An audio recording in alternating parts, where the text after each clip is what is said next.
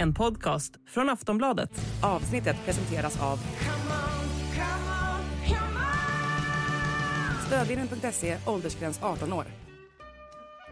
In the supermarket, you have eggs class 1, class 2, class 3.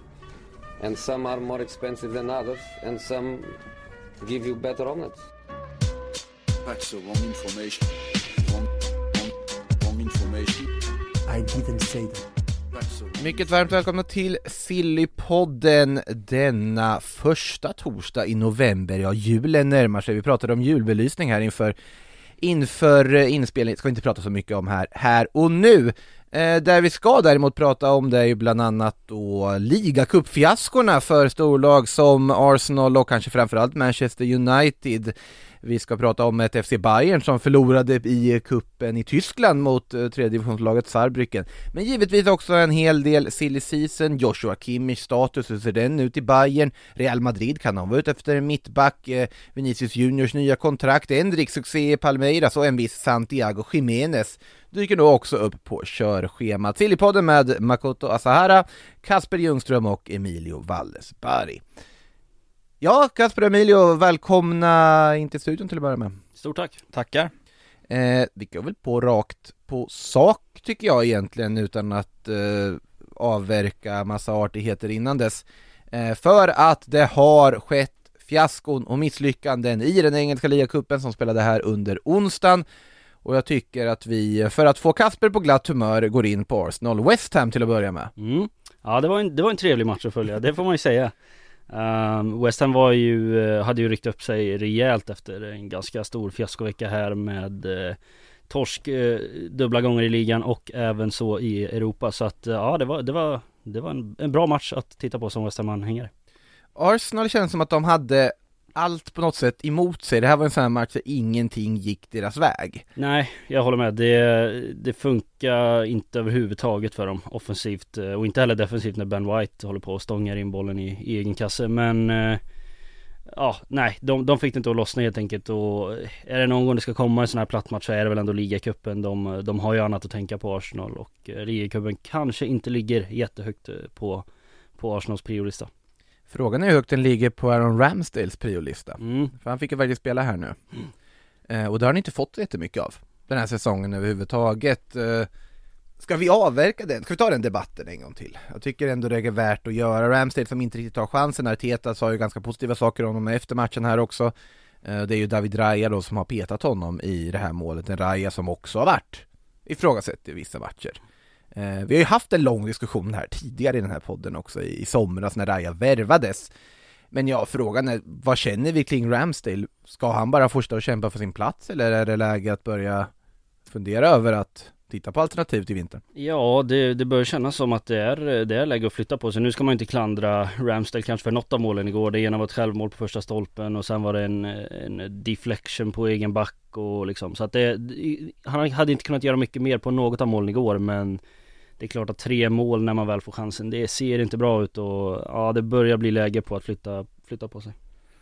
Ja, och det, det, det är ju en målvakt med, med, med de kvaliteterna som krävs för att, för att vara i ett lag på den övre halvan i, i Premier League. Och ja, jag ser väl ingen anledning till att han skulle på något sätt, han är ju inte nöjd med den där bänkplatsen såklart, eh, av väldigt förståeliga skäl.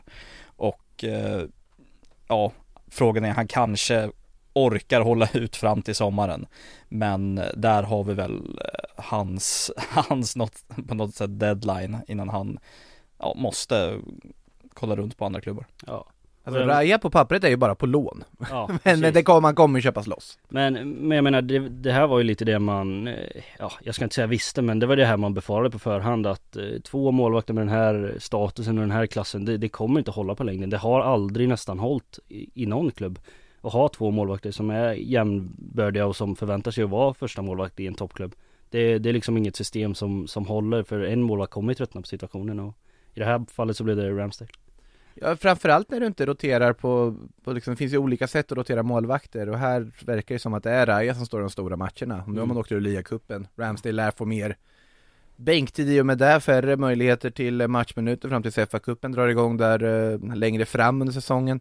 Eh, Så ja, det är en situation som eh, puttrar där för Mikael Arteta, som han har skapat själv. Ja verkligen och jag, jag tycker inte att, eh, att Raja har varit speciellt bra när han har eh, fått chansen i ligan liksom. Jag tycker inte att han har, eh, har levlat upp på den positionen i Arsenal utan jag, jag tycker att det här är eh, det är en bortkastad målvakt som man har, som Arteta har skapat för att Raja är inte en bättre målvakt än vad Aaron Ramsdale är. Det, det, det enda jag kan komma på som skulle vara en anledning det är att man ser en ekonomisk chans i det hela för att det pratas väl om, om 20 miljoner eller någonting sånt för Raja när det väl, när det väl smäller eh, och det kommer det väl med största sannolikhet att göra.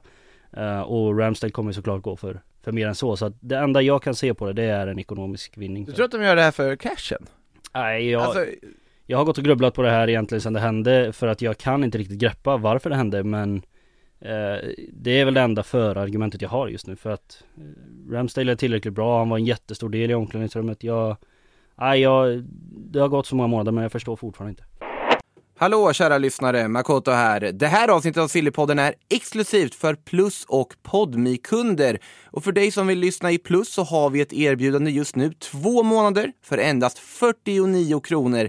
Gå in på kampanj.aftonbladet.se sillypodden och då får du givetvis tillgång till allt annat plusmaterial också, live-matcher, tv-specialer, Sillysvepet med Daniel Kristoffersson, kröniker och mycket, mycket mer. Kampanj.aftonbladet.se sillypodden alltså. Och vill du testa Podmi? Ja, då kan du göra det kostnadsfritt i 14 dagar. Och förutom Sillypodden, Premier League-podden och Allsvenska podden så finns det en massa andra bra poddar för dig som älskar sport.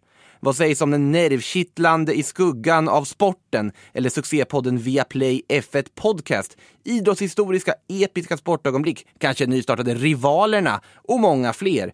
Teckna Podmi Premium och få tillgång till alla premiumpoddar helt utan reklam. Gå in på podmi.com och signa upp dig redan nu. In the supermarket, you have eggs class 1, class 2, class 3. And some are more expensive than others, and some give you better omelets. That's the wrong information. Wrong, wrong, wrong information. I didn't say that. Du har lyssnat på en podcast från Aftonbladet. Ansvarig utgivare är Lena K Samuelsson.